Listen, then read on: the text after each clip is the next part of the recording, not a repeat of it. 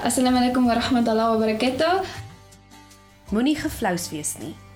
Die is 'n Afrikaanse meisie gebore en getoe in Meyerton, 'n klein dorpie naby Vereniging in Gauteng. Jy luister na Alles vir Liefde, 'n podcast deur huisgenoot en deur my, Karla Kutse.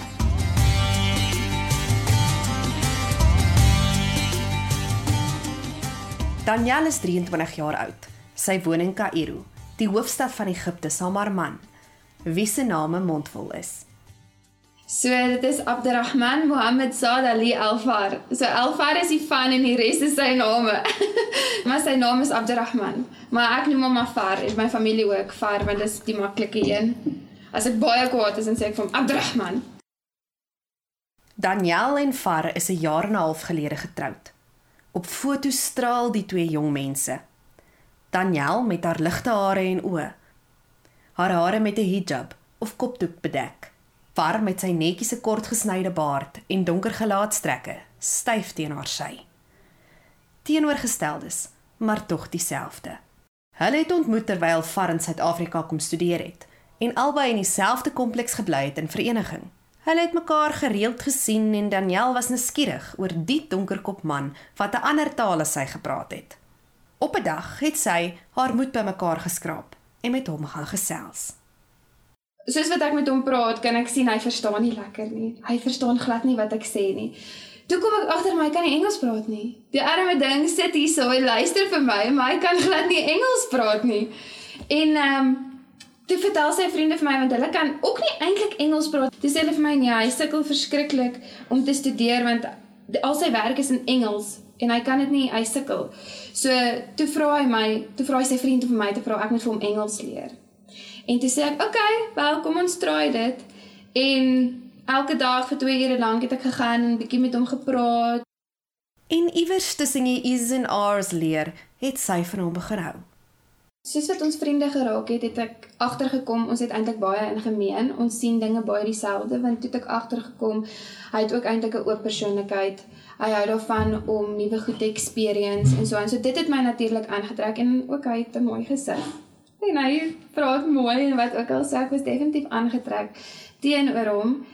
So ja, ek dink toe ons beste vriende geraak het en ons het op daai level met mekaar gecommunicate en tyd saam spandeer, het die liefde maar net gekom.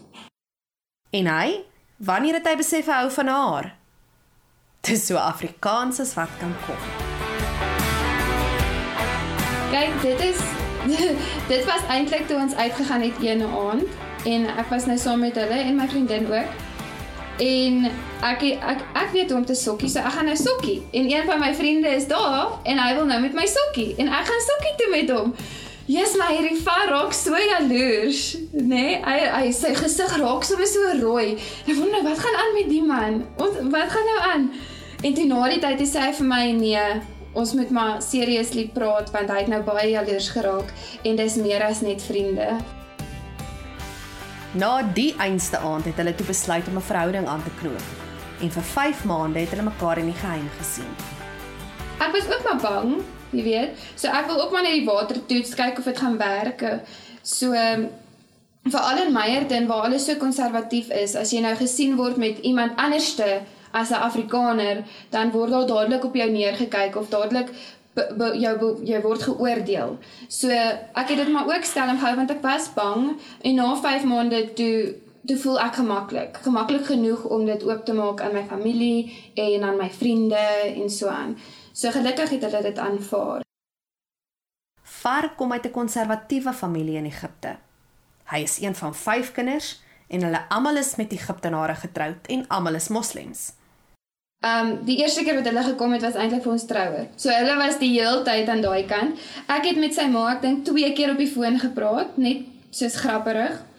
En kan sy daarom Engels gesê? Nee, glad nie, glad nie. Sy sissies kan Engels praat. Sy kan so 'n paar woordjies sê, maar glad nie. So Far het my 'n paar goed in Arabies geleer wat ek dan vir haar sê en dan lag sy nou want sy dink dit is die snaakste ding want ek kan glad nie Arabies gepraat het nie. Maar ek het met haar gepraat seker so twee keer en toe gaan ek ek dink na ons 'n jaar saam was. Toe gaan ek nou vir die eerste keer Egipte toe om sy ouers te gaan ontmoet. Toe het dit ek vir so 3 maande daar. So ek het hulle redelik goed geleer ken en hulle het my geleer ken. Ons het baie tyd saam spandeer.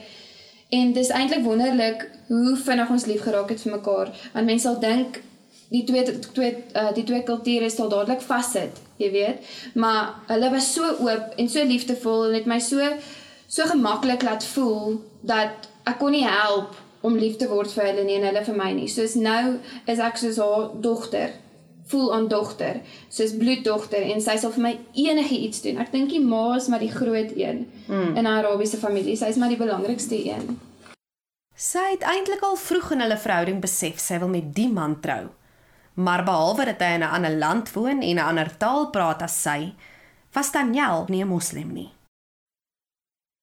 En so toe ek hom ontmoet het, was ek eintlik niks nie. Ek het nie geweet waarna ek glo nie. So toe ek met hom begin praat het en hy het hierdie deur vir my oopgemaak. Dit was toe ons nog vriende was. Toe, hy het vir my verduidelik wat want ek het hom gevra. Ek was nuuskierig. En toe het hy vir my verduidelik nie so aan toe maak dit alles net vir my sin. Vir my as 'n persoon in my hart het dit net vir my sin gemaak en ek het dadelik daarmee gekonnekt.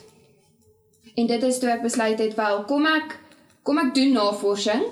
Kom ek kyk want daar dit is tog anders. Kom ek kyk waaroor hierdie hele ding gaan voordat ek oordeel, voordat ek besluit nee, dit is nie vir my nie.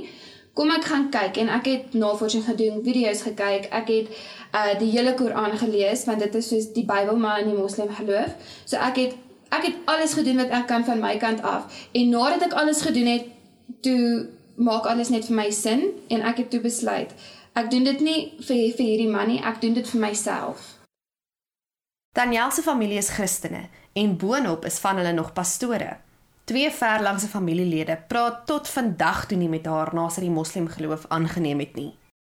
Daniel vertel sy het lankal reeds vrede gemaak met die groot lewensbesluite wat sy geneem het en die belangrikste familie en vriende het haar besluite aanvaar en respekteer dit.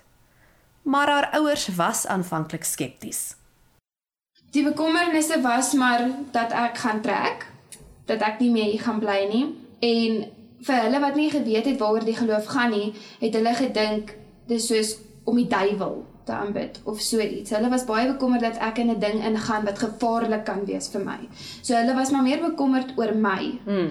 Maar toe ek dit nou oopmaak en ek sê vir hulle gaan doen bietjie navorsing, kom sit met my as jy wonder. Ek sal vir julle enigiets verduidelik wat jy wil weet. Toe begin hulle ook verstaan waaroor dit gaan. Daniel en Far was vir 'n jaar verloof voordat hulle besluit het om hier in Suid-Afrika te trou. Far wou glo nie soos wat die tradisie in Egipte is 2000 mense by hulle troue hê nie. Op die ou end het hulle op SA Bodem getrou met 100 gaste. Daniel het 'n wit balrok met lang moue aangetree en haar lang lokke onder 'n hijab versteek. Hulle het aspekte van beide kulture in die seremonie ingebring. Sy sê dit was eintlik meer 'n feesviering. Hulle twee was privaat in 'n moskee getroud voor die tyd. En sedertdien het haar lewe onherroepelik verander. Sy het Egipte toe getrek Aanvanklik het sy en Farah woonstel saam as skoonfamilie gedeel. 8 mense in daai een woonstel. Maar sy het geleer hoe hulle goed doen en dit haar eie gemaak. Daar's baie Christene, daar's baie ander gelowe, maar selfs die Christene sal nie oop aantrek nie. So jy sal nie cleavage sien of 'n meisie met 'n miniskirt of iets in die strate nie, want dit is nou maar net die respek teenoor die ander geloof wat daar is, want die meerderheid is maar moslems en dis maar net die area waarin jy is. So ek sal soos 'n jean dra met 'n toppie wat net ehm um, tot op my tot bo my knie gekom of so iets met gewone plakkies skoene enigiets wat ek wil dra en dan maak ek nou maar net my kop toe. So dis maar baie gewone klere. Ehm um, as ek Suid-Afrika toe kom, is dit presies dieselfde. So ek dink die grootste ding wat verskillend is van my klere drag is maar die kopdoek.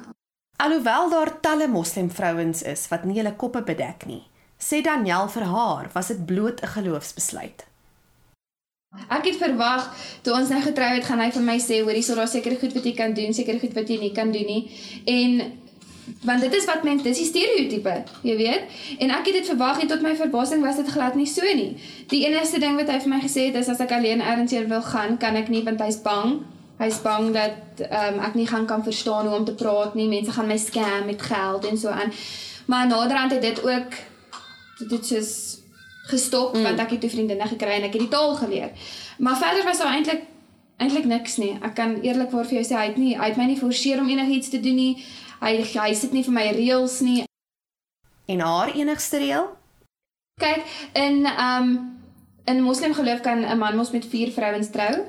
So ek het vir hom gesê voor ek met hom trou, jy moet nou al weet, as jy met my trou, trou jy net met my en ek sê nou vir jou, as jy met 'n ander vrou wil trou, dan skei jy my. Ek gaan nie met 'n ander vrou sit saam met jou nie. En hy het ook vir my gesê nie, hy het nie eers daaraan gedink nie. Maar natuurlik is daar soms misverstande en 'n paar groot kultuurverskille. Die mans en vroue in die moslimgeloof en in Egipte kuier apart. As Far saam sy vriende kuier, sal Daniel nie saam sit en klets nie. Jy raak nie aan die teenoorgestelde geslag as dit nie jou man of vrou is nie. Om hulle hand te skud is om 'n grens te oorskry. Ek dink ons albei het geweet toe ons getrou het dat daar vir altyd in ons hele lewe misverstande gaan wees want ons is op verskillende maniere grootgemaak. So ons het ons fights en ons het ons ons misverstande soos wat elke verhouding maar het. Um ons sin is meer oor kultuur want ek is baie alleen daar omdat my familie hier is. So natuurlik as ek wil terugkom, wil hy nie hê ek moet gaan nie of as ek wil uitgaan in Egipte ergens heen, dan wil hy ook nie hê ek moet alleen gaan nie. So ek kan nie regtig gaan net 'n taxi vat en gaan nie want hy's bang vir my mm. en so aan. So dis maar meeste waaroor ons ehm um, beklei of vassit want hierso is ek gewoond ek kan my kar vat ek kan gaan waar ek wil. Jy weet ek kan mall toe gaan en so aan. Daarso moet ek vir hom sê en dan kom hy saam met my. As ek iets alleen wil gaan doen is dit bietjie van 'n van 'n moeilike maar maak dit jou nie mal nie? Partykeer ja. Partykeer ja. En dan gaan loop ek op die blok of ek gaan mall toe of ek gaan doen iets. Maar um, om stoom af te blaas Tog is daar die komiese oomblikke wat haar en Far laat skater vir hulle familie se verskille. By ons troue wou my pa vir sy ma 'n handskud gee. en ek sien sy pa is besig om dit te verloor. en al wat al wat my, my man se ma kan doen, sy lig net haar hande op en sy sê no, no, no, no. so nee, daar was baie daar was baie goedjies en veral met die mans want in Egipte as mense hulle sê die mans uh vat mekaar se hand en dan soen hulle drie keer op die wang, nê? Nee? Hmm. So toe my ehm um, toe my man se ooms Suid-Afrika toe kom, toe moes hulle vir my stiefpa hallo sê en hulle val vat sy hand en hulle soen hierso en my stiefpa weet nie wat aangaan nie. Hy sê no no, we don't do this in South Africa. so my tannie, sy's sy's sy's 'n baie love persoon. So sy's baie vriendelik en sy druk almal, she's a hugger en so aan. Mm. En uh my man se boetie het 'n vrou ook daar en toe sy inkom uh my tannie nou toe sy inkom toe gee sy vir almal drukkies. Vir my pa vir vader se pa vir sy boetie vir almal. En natuurlik hierdie vrou van um my man se boetie verloor haarself toe. Sy verloor haarself want my tannie wat soos 63 is het haar man wat 23 24 is nou 'n drukkie gegee. So nee kontak is 'n groot ding Daniel kom elke 3 tot 4 maande Suid-Afrika toe om te kom kuier.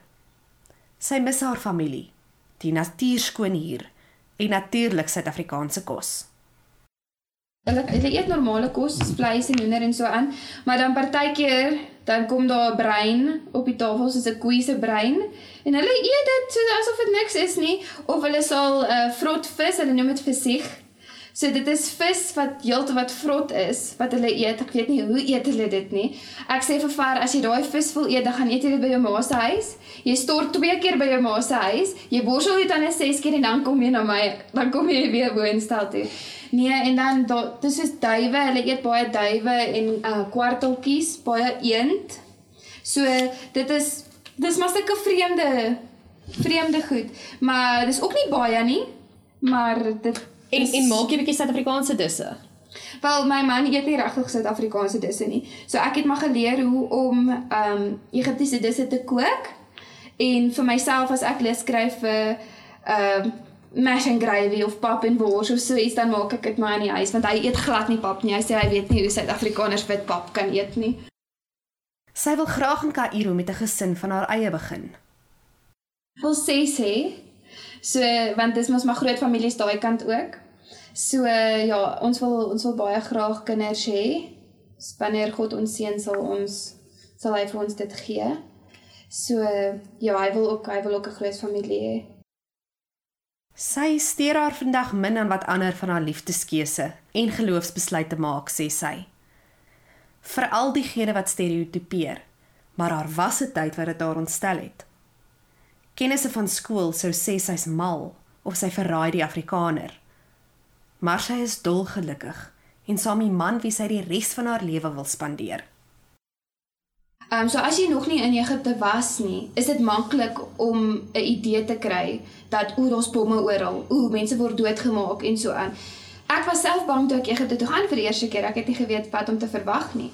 So toe ek gaan was ek geskok om te sien, o, dis eintlik normaal. Dis eintlik baie veilig, baie veiliger as hierso. Danielle speel met haar lang hare wat tot in die middel van haar rug hang. Hier in haar ma se huis in Pretoria met net vroulike geselskap, hoef sy nie haar hijab te dra nie. Haar natuurlike haarkleur, so rooierige blond, is al ver uitgegroei, maar jy sien sy was op 'n tyd 'n swart kop. So toe ek hierso was, toe wil ek donker wees om anders te wees. Nou dat ek daar is, wil ek weer my eie kleur wees om bietjie anders te wees ook. So ja, nee, ek groei nou my haartjies uit. Sy wil binnekort begin skool gee. Om Engels vlot te praat is 'n rariteit. Sy het al goeie vriendinne gemaak in Kaïro en sy pas goed aan. En sy kan darm nou saam die vriendinne gaan rondrits. Maar sy sal altyd die Afrikaanse meisie in die vreemde wees. Maar vir liefde sal sy dieselfde besluite weer 'n keer maak, sê sy beslis. دلوقتي انا بتكلم على كل حاجه في الدنيا بتاعتي وجوزي بتاعتي عبد الرحمن الفار من مصر آه، الحمد لله على كل حاجه في الدنيا دلوقتي كويس Hierdie episode is deur my geredigeer. Finale klank deur François Haasbroek. Onthou om alles vir liefde te volg en laat weet gerus as daar 'n liefdesstorie is wat ons moet vertel. E-pos my by karla.coetzee met 'n z @huisgenoot.com. Huisgenoot het ook 'n ander podcast, Agter die storie, waar ons joernaliste vir jou vertel wat agter die skerms gebeur met daai groot storie wat almal laat gons. Agter die storie en alles vir liefde is op Apple Podcast, Google Podcast, Spotify en oral waar jy na podcast kan luister beskikbaar. Vertel jou vriende en tag ons op sosiale media. En moenie die volgende episode van Alles vir Liefde elke eerste Vrydag van die maand misloop nie. Thank